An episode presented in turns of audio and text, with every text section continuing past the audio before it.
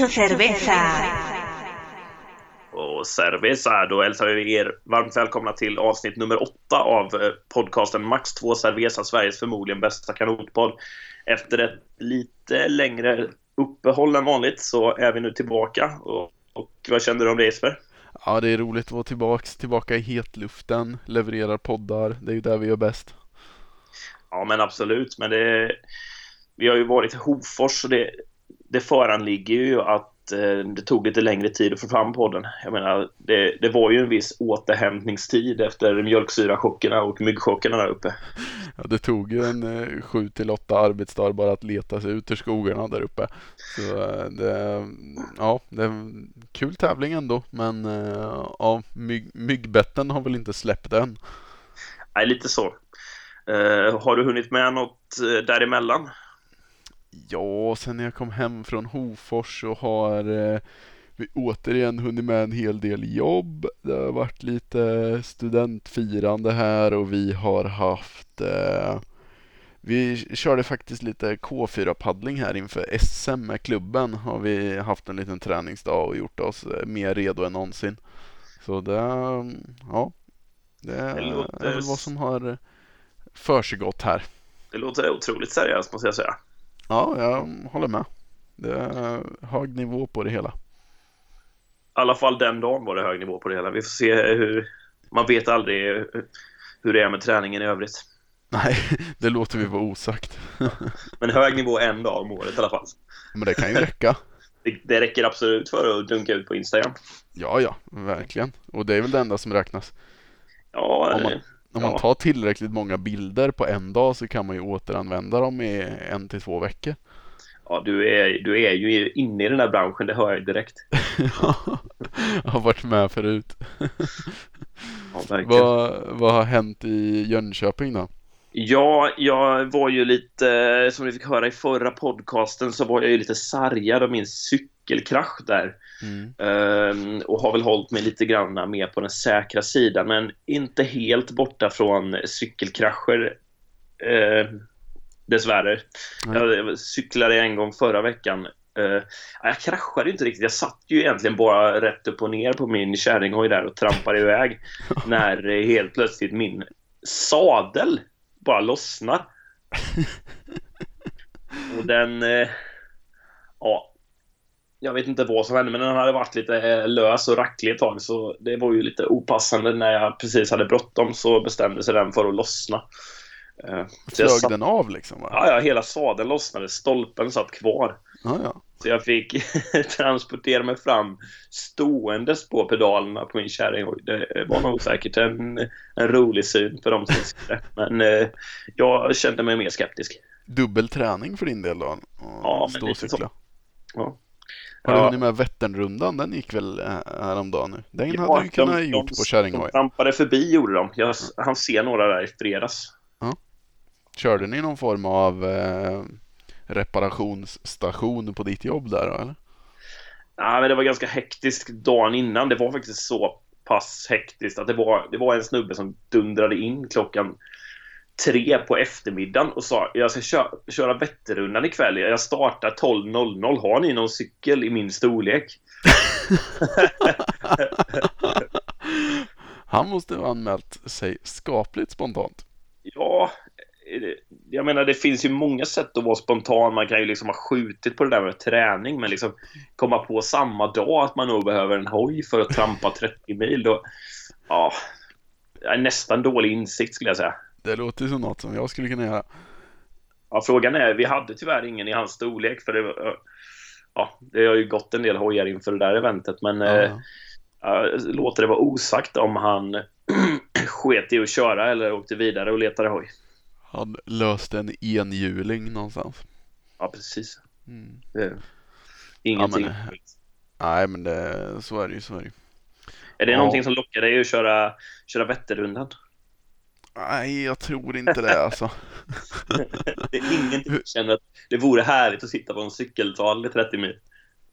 Nej, fy fasen. Alltså vad, vad skavsår och ont i arslet man måste ha efter ett sånt lopp. Cyklar du 30 mil om året?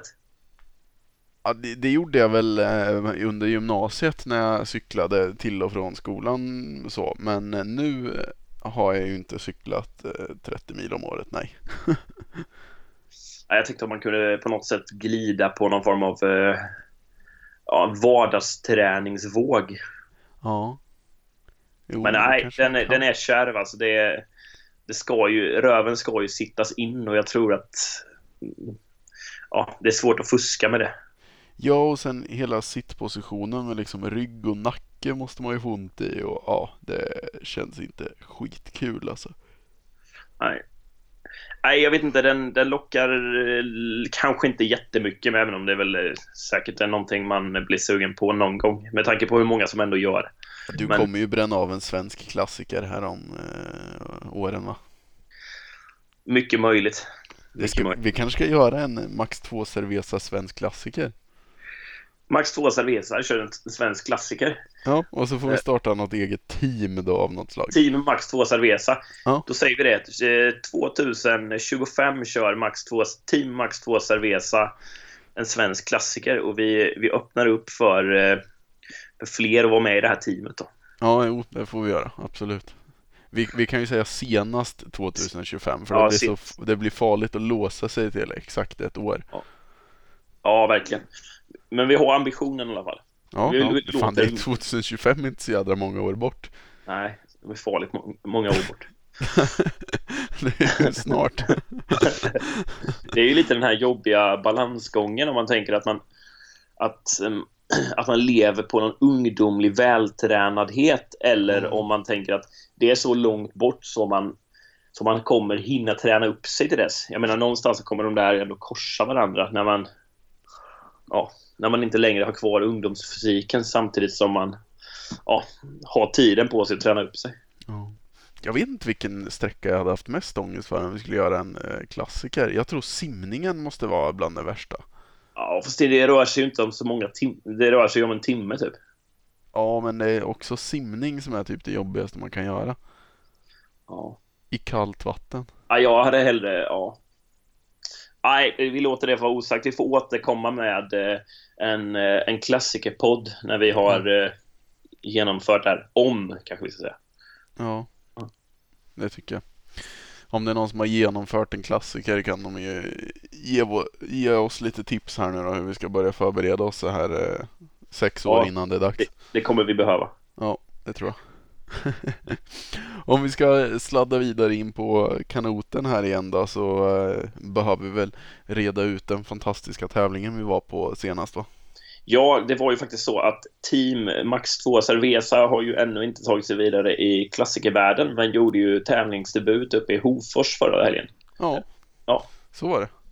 Eh, vi var ju representerade. Jesper valde att representera oss på K1 200 och jag representerade på K1 500 och K1 1000 där. Ja. Och så körde vi båda i varsin K2 också. Ja, och du körde väl K1 5000 med eller? Ja, jag startade i alla fall. Ja. Fast i och för sig K1 5000 var inget... komma undan där. det var... Genom att inte säga något om det. Men du, du, kan ju hänvisa till att 5000 inte var ett inofficiellt lopp utan det var ju någon form av Dannys träningspass.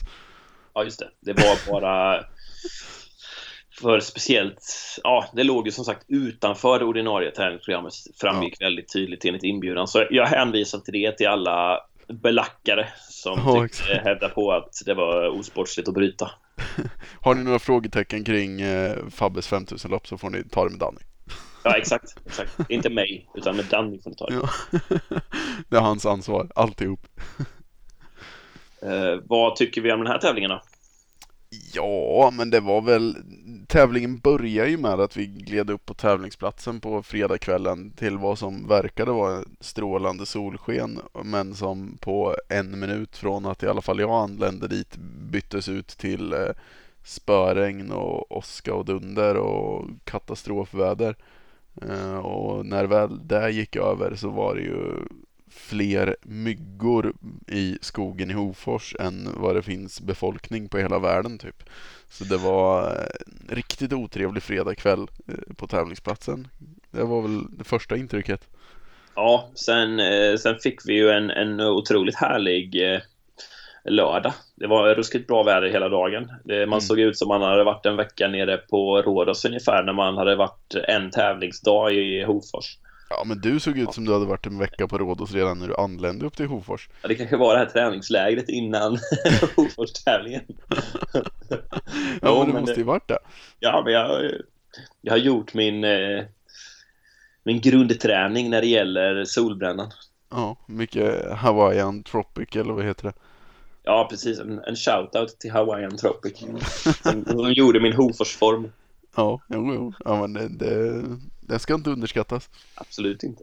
Nej. Nej, men eh, som sagt lördagen där var ju riktigt trevligt väder. Eh, det var tävlingarna rullar väl på rätt så bra. Det kändes som att det var ganska lite folk där att tävla men det är väl kanske så i typ student och skolavslutningstider att det brukar vara lite färre i ungdomsklasserna.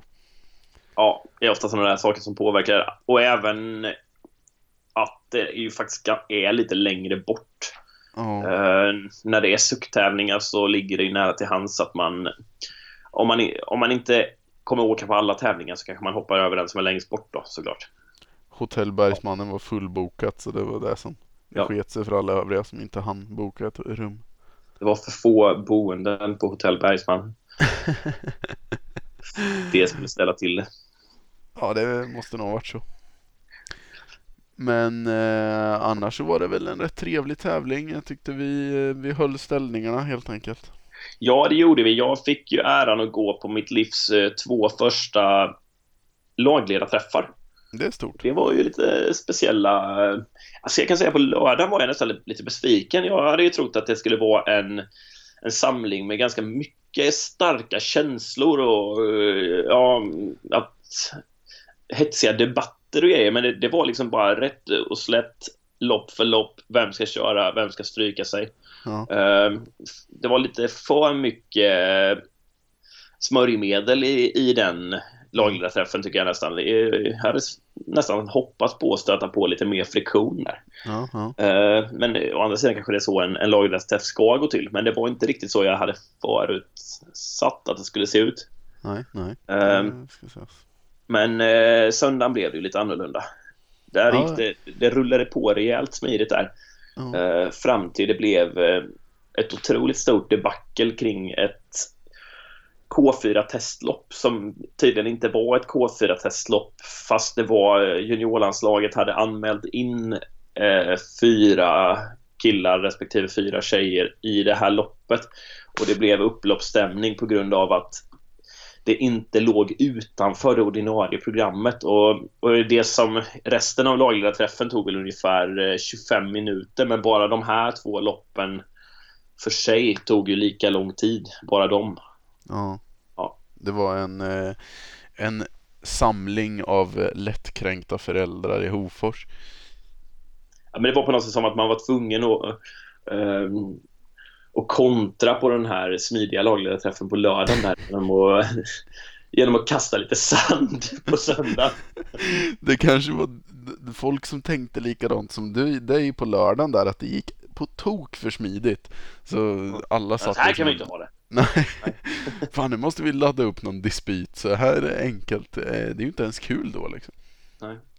Vi skapar något stort och något litet och sen och sen, sen är det bara fortsätta därifrån. Det är bara att sätta snöbollen i rullning liksom. Ja, absolut. Eh, så jag, jag hade ju satt på väldigt många stolar där. Jag var ju jag var ju lagledare för JKK då. Sen var jag ju tävlande. Och sen, eh, som vi sa i avsnitt ett av den här podcasten, så att jag skulle ju även vara eh, utsänd reporter för Max 2 Cerveza under helgen. Så eh, jag hade att göra. Så det, den där lagledarträffen drog ut så pass mycket på tiden att jag, jag skulle inte hinna till mitt lopp. Så jag var tvungen att lämna i förtid. Ja, det, det säger en del om eh, om stämningen på den lagliga träffen. Men eh, jag tycker väl det vi skötte allra snyggast och bäst på, på uh, tävlingen var ju ändå att vi representerade Max 2 Cerveza. Ja, men absolut. Det återigen väldigt roligt eh, att vi fick en hel del härliga kommentarer av folk som har lyssnat och, och tagit åt sig av det vi säger. Det, det fortsätter göra att vi blir taggade på att fortsätta med den här podden. Ja. Och sen representerade vi ju lite på tävlingsbanorna också. Hur, vad, hur gick det för dig Jesper? Ja, för mig gick det väl ingen höjdare. Jag ställde ju som sagt upp på K200 med eh, alldeles för dåliga förberedelser i bagaget så det vart ju ingen rolig historia. Så eh, eh, pannkaka i semifinalen blev det ju. Eh, och sen, eh, sen körde ju jag och Johan eh, lite K2 och det, det var faktiskt riktigt roligt. Sen, eh, ja, vi hade säkert kunnat paddla fortare än vad vi gjorde också men det var, ja, vi gjorde ett bra lopp och det var kul att köra. Ja. Så det var ju de två grenarna jag ställde upp i i alla fall. Och jag körde ju också K2-loppet där med Fredrik. Det, det var startskottet på hela tävlingshelgen för mig. Ja. Jag tycker det gick riktigt bra. Eh, vi var ju precis efter det där. Vi hade ju en kamp in på mållinjen. Så det, att det gick bra där i första loppet satte på något sätt standarden för resten av helgen för min del. Ja, ni imponerade verkligen. Det var ett bra lopp. Det var... Eh, ja, det gick ju... Det gick som en, en ett rykte på hela tävlingsplatsen att jag hade mm, lagt mig till med någon ny 90-talsteknik men den, den måste ju uppenbarligen ha varit effektiv.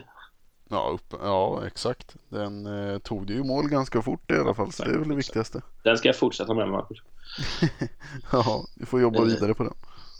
Jag körde även K1 500 där då på eftermiddagen den dagen och då blev det en vinst i B-finalen. Det får jag säga att jag var riktigt nöjd med. Det var, eh, det var en riktigt bra B-final ja, att jag plockade fram det loppet var, var över förväntan. Så det var ju egentligen bara att cruisa vidare på den in på, på söndagens tävlingar där då, när det var mm. K1000.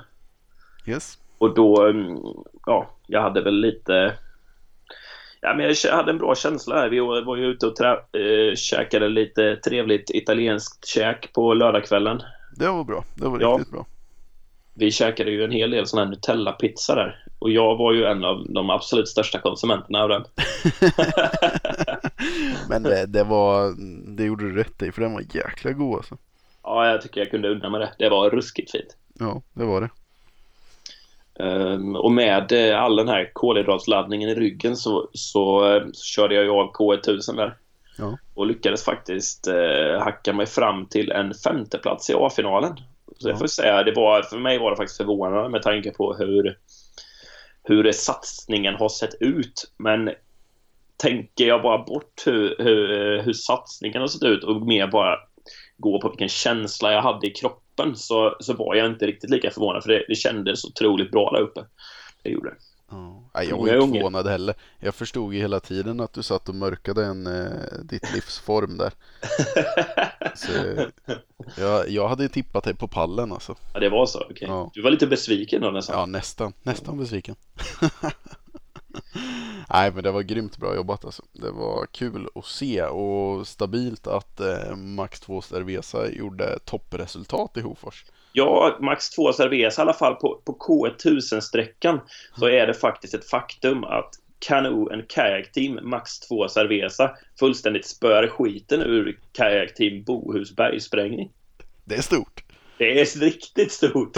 Det är, det är, ja, Danny får åka hem och slicka såren. ja, jo, det är verkligen. Uh, det var bara synd att, att du fick bryta deras egna certifierade lopp på eftermiddagen där sen då. Ja, det var ju lite synd. Jag hade ju hoppats på att kunna återupprepa den, men det finns väl ändå, ändå gränser för vilka bragder man kan åstadkomma. Jo, jo, så är det ju. Uh, man måste ju spara bragdguldet till någon annan ibland också. Ja, man måste dela med sig lite grann. Ja, generösa, det, det är våran andra slogan vi kör med. Ja, precis. Uh, lite, lite lätt uh, motvind där uppe i Hofors. Jag, jag, gillar ju det. Vad, vad är din syn på det hela? Är du en motvind eller medvindspaddlare? Ja du. Uh, jag tror väl att jag är ganska duktig på att paddla motvind. Men med det sagt så uppskattar jag ju betydligt mer att paddla medvind. Ja. Eh, så ja, för mig är det nog ingen större skillnad utan jag, jag tror många håller med mig om att det bästa är ju när det är ingen vind alls. Eh, ja, det är det bästa för alla. Ja, och det är nog det som jag gillar mest också. Men nej, jag, jag har faktiskt ingen, eh, ingen så här jättetydlig favorit där utan jag tror att det passar mig rätt så bra oavsett. faktiskt. Ja. Jag har faktiskt ofta haft ganska lätt för det där med, med motvind. Jag vet inte, känns som min teknik blir eh, gynnas av Ja. Men eh, ja, är, jag kan paddla medvind också så det är inga dimmer så. Så vi hoppas, nu är det upp till, eh, nu hade vi lite, det var lite medvind på Rocksjön, lite motvind i Hofors och nu är det ju upp till bevis här för Nyköping att leverera ett SM med riktigt mycket spegel. Ja, ja, det, det, är väl inte speciellt troligt att de kommer lyckas med det här, men vi kan ju hoppas på det. Vi har ambitioner i alla fall. Ja, ja. Och förhoppningar. Hur, eh, hur kommer eh, Fab ställa upp på SM då? Alla distanser, alltihopa? Jag kommer ju inte vara jag kommer inte vara hemma hela, eller jag kommer inte kunna vara med på hela SM-veckan. Det blir eh, första halvan där i alla fall. Mm. Så eh, då väljer jag att ändå mörka lite grann eh, om mer detaljer än så när vi kommer ja. närmare. Ja, det är helt rätt. Man ska inte släppa något i förtid. Nej, Men om vi studsar tillbaks på Hofors där igen, för jag tror inte vi är färdiga med den tävlingen ännu. Eh, vad, om vi håller oss kvar på resultaten då, vad hade, hade vi någonting värt att nämna utöver våra egna resultat? Ja, vi hade gjort en liten tippningstävling där. Ja. Men den eh, spelade ju lite granna ut sin roll i och med att eh, vi tippade väldigt fel vilka som kom till start. Ja, vi får väl erkänna av att, av att de, eh, våra tips tillsammans med de eh, som skickade in så var det ett, en rungande vinst för eh, Jörgen Westerlind. Vi behöver inte ens räkna detaljpoäng här utan det var eh, han vann stort och vi Ja, vi, vi schabblar ju bort oss på att vi inte undersökte startlistorna ordentligt. Nej, men eh, ja, jag är inte helt säker på att vi hade några startlistor att tillgå när vi, när vi presslade liksom. Men, eh, men snyggt jobbat av Jörgen ändå att gräva lite djupare i det hela. Ja, precis. Jag vill väl ändå minnas att vi satt och scrollade i startlistorna samtidigt som vi la tippningen bara att vi liksom inte tittade. Ah, skitsamma. Vi, vi, vi sjabblar bort det helt enkelt. Jörgen plockade hem det. Ja. Grattis grattis. Han eh, vann en eh, Max 2 Cerveza t-shirt. Eh, ja, det gjorde han. Det är ett beärat pris. Fast det var ju faktiskt egentligen inte för den tippningen utan vi, vi hade ju ett, en liten eh, inofficiell tävling där, där vi satte ett eh, bett om eh, vad vi skulle ha för kvalitet på kaffemuggarna i Hofors. Ja, och det var, det var ju den här plasthistorien. Ja. Som håller på att bli en raritet på svenska idrottsanläggningar. Ja. Men den, i Hofors fanns den. Ja, den var kvar och den eh, Det var Jörgen som mycket riktigt hade tippat att den också skulle vara kvar så då fick han ett eh, fint pris av oss. Exakt, och det tycker jag kan vara värt att tillägga att den hittade jag på ett ställe till. Det var nämligen så, jag var nere i Lund nu i fredags och lördags på lite mm. examensfirande. Och det får man ju ändå säga, ja, det var ju en sån tillställning där det satt 50 personer i klädda kostym, alltså en, ja, ett event på, med lite högre eh, man hade i alla fall ambitionen om att det ska vara lite högre nivå på, på dukningen än vad det är på en regatta i Hofors. No. Men där var, åkte fram till kaffet, hör och häpna. Det var plast, plastkaffekoppar med ett sånt där litet, litet öra som böjer sig när man fyller på den för mycket. ja, jag drack faktiskt kaffe ur exakt likadana också här på, när jag var på en, eh, ett studentfirande här i, i slutet på veckan. Ja. Så de, de lever kvar än de där muggarna alltså. Det kan ju vara så att alla de här eh, kalasarrangörerna känner att det är lite sista chansen nu. Ja. Så man kör på så mycket som man kan. Man har någon gammal fin servis stående i något skåp. Men den där, den där kan gott vänta för det, man vet aldrig om det är sista chansen vi kan köra med de här rackarna. Ja, och just vad det gäller kanotklubbar och så, så känns det ju typiskt att det finns något förråd på kanotklubben där man råkar ha ett lager av 800 stycken sådana där koppar. Just eh, Hofors känns extra mycket så. Ja, jo, jag håller med. Utan, utan att ha något belägg för det så bara känns det som att Hofors har en hel container full. Om vi håller oss kvar där vid deras eh, kioskverksamhet då, vad tyckte vi, vad ger vi för, eh, hur många, är det en kanon eller kalkon på kioskverksamheten 2019 i Hofors? Uh, ja, men jag skulle säga att utbudet i kiosken är ju kanon. Det, det, det fanns en rätt bred varieté av olika grejer. Mm. Uh, man körde ju högteknologiskt. Det gick att betala med Swish där utan problem. Mm. Men däremot så förstod jag det som att det var lite problem med kolbullarna. Det var nästan så att man var tvungen att vara uppskriven på någon form av VIP-lista för att kunna få tillgång till en kolbulle. ja, det var, det var ju ruggigt problematiskt. Kötiden på kolbullarna var ju, den får vi bara säga var horribel alltså. Det, ja, det, var riktigt, det var riktigt dåligt. Det hade de ju inte tänkt igenom alltså. De var inte beredda på den eh, översvämningen av kolbullefantaster. Nej, jag förstår inte. Jag menar, de måste väl ha gjort det här förut. De, det var inte första gången de står där och flippar kolbullar. De vet väl att det liksom kan bli lite kö. Alltså lunchtid där så var det ju bara ge upp liksom på att stå och vänta. Ja, för jag, jag tänkte ju att jag skulle, ja men undersökande form skulle sätta i mig en kolbulle ja. och, och frågade dig och Johan då om ni hade någon koll på det hela, men ni bara säger eh, det där med kolbulle, det kan du glömma för det kommer du inte få någon. ja, men vi, vi gick ju dit liksom och skulle först ha en och så insåg så sa de i kassan lite snabbt att det är lite kötid på det och så såg vi att det stod och väntade fem, sex stycken och då gav vi upp på det. Så tog vi en korv istället och sen kom vi tillbaks lite senare och han tänkte nu ska vi ta en kolbulle för då var det ingen kö. Eh, varpå vi beställde då och då visade det sig att trots att vi, det inte var någon kö så var det ju ändå en kötid på 15 minuter innan man kunde få något färdigt. Så det var ju liksom Det var ju bara att anpassa sig och stå där och vänta. Ja. Ja, men vi, vi hjälper Hofors då till nästa 2020 så, så söker vi redan nu efter en, en extra insatt kolbullsflippare. Ja, och Ja, det, det, ja, men det måste de ju rycka upp sig så vi får väl se vad de får ha för tävling nästa år. Om det blir en eh, regatta eller om det blir en suck eller om det blir ett SM eller om det inte blir någon tävling alls. Men oavsett så måste kolbulletempot upp lite.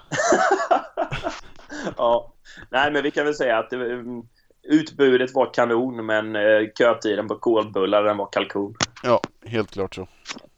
Bra. Uh, och med uh, Hofors tävling till handlingarna så gjorde ju även Kanotförbundet lite uttagningar. Ja, det gjorde de. Det vet inte hur mycket de grundar sig på Hofors men i tiden låg det i alla fall så att nu var det tydligen dags att ta ut både vad har vi sett uttagningar på? Vi har sett European Games, vi har sett U23 EM och Senior-VM va? Ja, det stämmer. Precis. Uh, och när det gäller U23 EM där så fick vi se specifika uttagningar att det var både namn och sträcka som skulle köras. Ja. Eh, det fick vi även se på European Games som är det som kommer närmast i tiden. Ja. Eh, men när det gäller senior-VM där så, så har man bara lämnat namnen så länge. Man håller det öppet med eh, vem som kör vilken distans och sträcka och sådär. Och det gillar vi ju, för då öppnar man ju upp för att vi ska få spekulera vad fan det är som är på gång egentligen. Ja, absolut. Så det som egentligen är mest intressant för oss är ju är ju därmed VM-uttagningen tycker jag.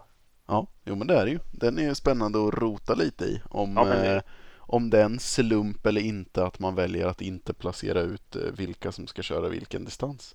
Nej, alltså anledningen till, hade man vetat vem som skulle köra vilken distans så finner jag ingen anledning till att inte publicera det. det då, då, hade man liksom gjort det, det är jag helt övertygad om. Ja.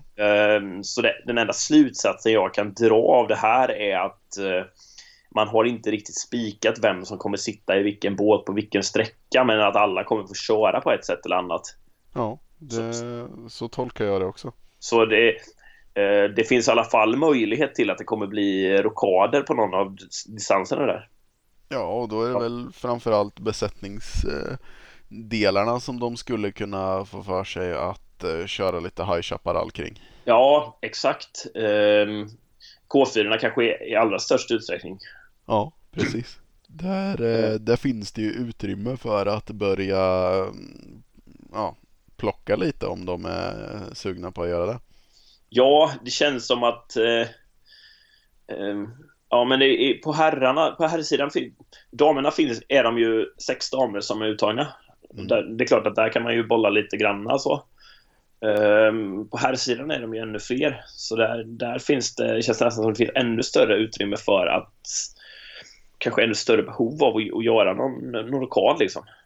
Ja, och sen pratar man K4 500 där så är det väl egentligen ingen av dem eller man ska säga alla av de herrarna som är uttagna till VM skulle ju kunna utan större problem sitta i en K4 500. Ja, exakt. Alla blir ju på något sätt lite aktuella där. Ja, exakt. Så ja, eh, om vi bara skjuter från höften, vad, vad, vad vill vi se? Vad, vad tror vi att vi kommer få se? Vi får väl utgå från att de ändå har en grund kring de fyra som nu har kört ihop en längre period. Eh, ja. Att det är de som ska liksom vara stommen på något vis. Ja. Samtidigt har vi ju sett tidigare under den här landslagsledningen att man börjar desperat kasta om i sista minuten när man inser att oj, det här funkade ju inte tillräckligt bra, nu gör vi något ja. annat. Eh, långsiktigt förtroende har ju inte varit eh, A och O eh, de senaste åren. I, eh, Sånt håller vi inte på med. Nej, nej så, så jobbar vi liksom inte utan det här är det korta beslut som är spontana och icke genomtänkta och sen hoppas vi det blir bra. Ja, men det är ju lite så här nu, nu, nu har vi ju inget belägg för att det kommer en rockad, men eh, men eh, säg att det gör det, då är det ju lite förvånande att den kommer nu och inte till exempel när man är på två världscuper två helger i rad. Då hade man ju haft superba möjligheter att testa något annat den andra helgen. Ja. ja. Nu, nu vet ju inte jag exakt hur reglerna ser ut kring hur många per, per distans i K1 och besättning och så som kommer kvala till OS. Men man kan ju leka med tanken att man eh, kanske lyckas övertala Petter att sätta sin K4 på grund av att han kanske är sugen på att ha någon form av plan B att få kvala in till OS om han inte skulle lyckas i K1 för han missade ändå final på senaste världscupen. Ja, det har du rätt i. Jag tror att han fysiskt eh, har, eh, hade passat bra i den. Det, ja. tror, jag, det tror jag absolut. Det, du ska ju, ja, det, ju, det finns ju inget riktigt facit för hur det ska se ut, men det är klart den, den powern som han besitter tror jag hade varit eh, ovärderlig. Ja, och sen är det ju också mm, Ja men det är klart att eh, Martin är ju också en som skulle kunna passa väldigt bra där och det är frågan bara då klarar han av att paddla så mycket lopp som för han beräknas väl köra både K1 och K2000 också antar jag men Ja Martin då han han är ju sedan ett par år tillbaka otroligt överlägsen i Sverige på 500 mm. uh, och därför känns det ju känns han ju högaktuell också. Ja. Men som du säger, då, det som talar emot det är ju att han har K1 och K2000 redan som så ja, på något sätt spikade sträckor. Så då, då kanske man får vika, stryka lite på foten för någon av dem om man ska köra det här. Och det vet jag inte jag tänker att allting grund, det blir lite speciellt när det är ett OS-kval och det, det blir ju det att allting grundar sig i att man ska lägga allt krut man någonsin kan på de distanserna där man bedömer att man har störst chans att kvala in någonting. Ja. Eh, och där är ju upp till förbundskapten då att bedöma vart man faktiskt tror man har störst chans. Ja, det är nog sant. Och det, det är nog ut efter det som man kommer bestämma vilka, vilken sträcka det blir. Ja, och sen du får rätta mig om, du, om jag har fel för jag tror du har bättre koll på de här bitarna. Men är det inte lite så att om du kvalar in en K4 så får väl de fyra personerna då som ska köra får väl också ställa upp på andra distanser när de väl är på OS, är det inte så? Ja, det är, det är riktigt och för första gången nu så kommer det till och med få vara två på de andra sträckorna. Ah, okej. Okay. Det, det, får man säga är väldigt revolutionerande.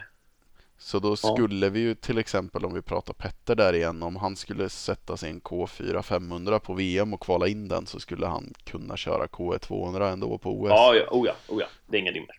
Eh, och det talar ju mer för att eh, de kanske kommer vilja lägga krut på K4 kanske. Ja, det, det finns absolut anledning att leka med tanken i alla fall. Ja. Det gör det.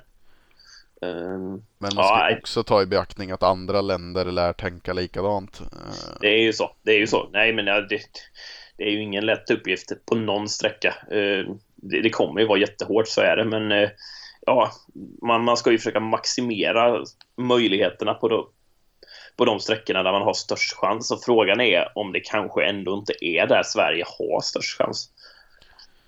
Det är sjukt ja. svårt att bedöma. Ja, eftersom att den ju inte är prövad då. Eller jo, den, den är ju prövad på världscuperna, men eh, om man gör en rokad så kommer den ju inte hinnas prövas innan dess. Nej, alltså jag skulle vilja påstå att när, vad det gäller K4 500 så har ju Sverige egentligen aldrig de senaste åren fått pröva den båten som mest troligt i alla fall. Man, det kommer man ju aldrig veta, men mest troligt skulle vara den bästa. För Nej. att det, man har valt att liksom plocka ihop olika konstellationer. Ja, men till exempel som, som att Petter aldrig har suttit med det. Nu, nu finns det ju ingenting som bara gör det givet att eh, båten blir bättre av att han skulle skulle sitta i den men man kan ju i alla fall tänka sig att det, den kan bli det. Ja. Nej, det, det har du rätt i. Det, det är väldigt svårspekulerat. Ja. ja. Men det är kul också. Ja, men det är otroligt kul. Eh, jag vet inte hur, riktigt hur länge de får vänta med det, men det, det kommer säkert vara ett par eh, pannor i djupa veck de närmsta veckorna. Så, så det, det kommer bli spännande att se vad vi får fram av det. Jag vet inte om de har något VM-läger på gång där vi kan åka och scouta och se vad de tränar. Faktum var att jag var på väg eh, hem från Lund eh, tidigare i morse och, och jag mötte förbundets släp eh, i Skåne på ja, motorvägen. Hur orimligt och sjukt det här ändå känns så har jag faktiskt hört rykten om att man ska ha något form av landslagsläger i Örkelljunga nu. Det är sant alltså? Ja, ja, det, ja men det stämmer. Så det är helt det, rätt att du. Det är det du och jag lyfte i eh, några av första poddarna. Att vi, vi öppnade upp för alternativa Ja, det äh, gjorde vi ja. Det pratade läger. vi om ja. ja. Eh, landslagsläger i Hofors har vi haft, men nu, nu vill man addera Örkelljunga dit. Ja. Ja. ja de, förbundet verkar vara lite sugna på att eh, bredda verksamheten till olika platser mitt ute i skogen där det är svårt att få tag på boende och långt att åka till. Men ja. Eh, det, ja. Det, det var det jag såg alltså? Ja, jo men du har nog helt rätt och det var helt rimligt att du såg det. För det, okay. det, det, det, ska hållas landslagsläger i Örkelljunga. Sen ska jag låta det vara osagt om det senior eller U23 eller vilka det är som ska vara där. Men jag vet att det ska vara ett läger där i alla fall. Ja, men det, det är intressant. Precis, ja. tycker jag. Just det. Vart fan bor man då? I Örkelljunga? Ja, Lilja pratade ju om någon camping där man kunde lägga pengar i en kartburk. men... men de hade ingen husvagn bakom kanotsläppet? Nej, inte vad jag såg i alla fall. Nej, det, vi, vi får väl se om vi kan få en rapport av det där sen. Ja, vi, du skulle ju stannat kvar där nere så hade du kunnat scouta lägret. Ja, absolut. Det, jag kanske till och med hade varit lite lätt aktuell för att vara med med mina bragder uppe i Hofors. ja, ja, ja. Det är inte orimligt alls. Jag har inte fått någon invite än, men det, jag väntar. Jag sitter och väntar på att den ska komma. Hade du varit under 23 hade du varit högaktuell. Det är nog möjligt faktiskt att det hade varit det. Så är det. Ja, uh, ja men uh, vi får se om vi får se mig på ett landslagsläger i Örkelljunga vad det lider. Det håller vi ungefär lika öppet som våran eh, klassikersatsning till 2025. det kanske blir 2025. Jag tänker om, om vi tränar för en klassiker kommer vi vara mer vältränade än någonsin och då kanske det blir en comeback i kanotlandslaget också. Ja, jag tror det kan eh, sammanfalla ganska bra. Så mm. watch out 2025. Ja, det är, det är då det händer helt enkelt. Jajamän. Bra. Spännande då. Eh, är det något mer vi ska eh, lyfta här idag? Jag tycker vi har snackat rätt bra om Hofors och, och lite det som har hänt. Det har varit en lite avstämningsavsnitt det här. Ja, precis. Vi, en, en, en liten formcheck kan man väl lugnt säga. Ja, men precis. Lite eh. uppvärmning inför midsommarhelg och allt annat trevligt som komma skall. Det börjar bli lite semestertider här nu. Det, då, är det ju, då är det ju ett feeling för lite cerveza. Ja, det är det verkligen. Så då undrar vi ju självklart alla lyssnare vilken cerveza som Fabbe har druckit ner i Lund. Eh, jag eh, var ju på ett eh, trevligt event där med lite middag och och kyld öl. Och det mm. dracks eh, Heineken, men jag drack även en annan öl. Eh, I och med att jag redan har haft uppe Heineken på tapeten så väljer jag att lyfta en annan. Mm. Eh, det var innan jag drog iväg på det här eventet så, så drack jag en, en burk med dansk fadöl. Den är ju fin ändå. Ja, den är ruskigt fin. Och det passande också när du var nere i Danmark att du fick tag på en sån också. Ja, jag var ju nästan det i alla fall, men eh, ja, får vi nästan räknas in. Ja, verkligen. Ja, det, men det känner jag bra samklang att jag drack en dansk fadöl. när Jag var ju... Vad har den danska fadölen för några fina toner och smaker i sig då?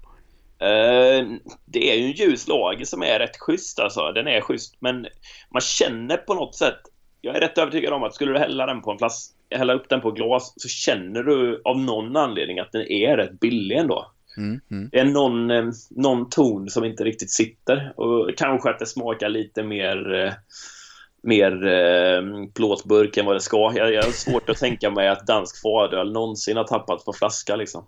Ja, ja, ja. Nej, det, det tror jag verkligen inte. Men eh, nej, jag är väldigt nöjd med den. Ja, vad roligt. Men jag tänker, eftersom nu brukar jag gå på ett helt annat typ av spår, men när vi ändå är nere i det riktiga bottenskrapet så kommer jag på att, att jag har ju faktiskt också hällt i mig en sån bottenskrapsöl här senaste dagarna när man liksom fick lite tager vad man haver kvar i kylen som inte hade blivit uppdrucket. Ja. Eh, och då eh, lyckades jag komma över en 5,2an. 5,2an som till och med har en låt på Spotify. Ja, bara en sån sak gör att den här borde vinna den här omröstningen. Mm. Men eh, ja, men det, det är ju Ja, jag vet inte om det är någon öl jag rekommenderar egentligen.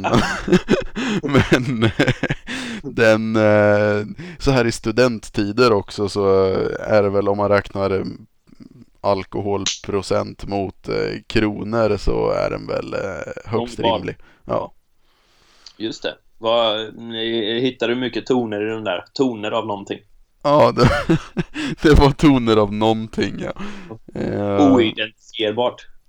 Ja, toner av dålig smak, eh, efterfest, studenten, eh, ja, sådana saker kanske. Det vet jag när, någon gång när jag har varit på Ica och ska handla handlat saft så finns Ja. det den absolut billiga sån här Ica Basic. Den heter den heter inte saft utan den heter dryck med smak av eh, av jordgubb med saftkaraktär. Ja, och när du liksom, när du dricker den så bara känner du smaken av så här friluftsdag på förskolan. Ja.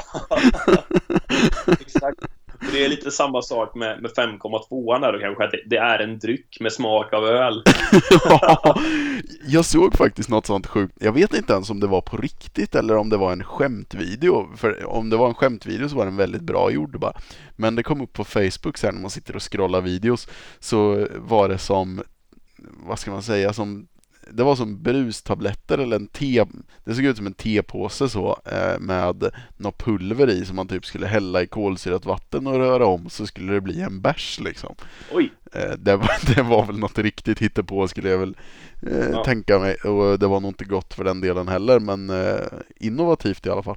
ja vi får väl se om Max 2 Cerveza kan återkomma med den i, i nästa veckas tester. Ja, det hade varit eh, spännande. Om vi, om vi kommer över en sån ska vi definitivt prova den.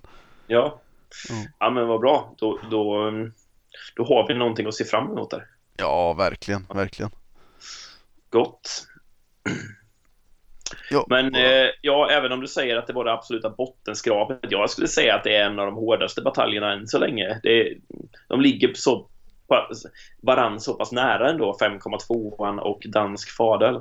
Ja, det håller jag med om. Den här kan bli rätt spännande omröstning på. Det här ska vi skicka ut en, en sån här man får gå in och rösta på Instagram. Så det får vi ju eh, jag jag hänvisar alla till att gå in och göra när vi lägger upp den där. För som du säger, ofta har vi rekommenderat lite olika typer av öl som kanske, ja men det blir, ja, men det blir tydligt så vad man, vad man uppskattar. Men här är vi ju verkligen i samma på samma spelplan. Det är, så, ja, det är frågan vilken Ja, folk föredrar. Det, det är inget som är självklart på något sätt, men eh, ja, det, jag känner att den här är ju, det är ju det pl- plånboksvänligaste tipset vi har gett hittills dessutom, så att det, det finns goda möjligheter för att eh, testa det här och ge ett omdöme. Ja, och den, den låg ju bra i tiden nu när det är som sagt studenttider också att, att ta en plånboksvänlig rekommendation. Ja, exakt. Men nu då, ja, vad bra. Då, då har vi några... Då rekommenderar vi er att eh, ge ert omdöme i det hela. Ja, men det tycker jag. Och så får vi och... återkomma när vi har provat den här brustabletten. Ja, exakt. Ja. Och vi, ehm, ja, men vi är nog rätt nöjda där för idag. Som sagt, det blev lite avstämningsavsnitt. Det var trevligt att spela in här igen. Ehm, vi ehm, jobbar vidare och beräknar väl komma med ett eh, riktigt schysst avsnitt nästa gång. Men när nästa gång är, det säger vi inte riktigt. Nej, vi håller det lite öppet, men stay tuned för det kan dyka upp när som helst och det kommer vara fantastiskt bra. Ja, och vi spånar för fullt på lite nya idéer också för att fräscha upp det här med hur vi kan eh, få, få podden next level liksom. Ja, så vi har, Men... vi har en hel del bra i, i tanken liksom. Det ska, och det kommer säkert bli verklighet ganska snart. Ja, det är jag helt övertygad om. Och sen så närmar vi oss också ett SM och då kommer det ju, oj vad mycket saftigt vi kommer att prata om då. Ja, då blir det eh, mycket godis att snacka om. Ja, det, det blir grymt.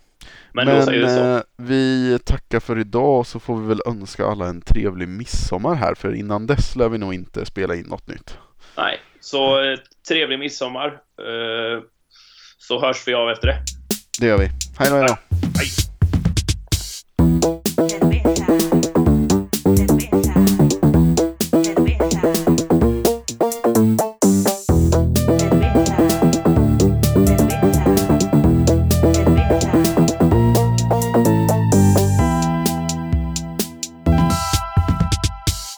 Drink tu mucho cerveza.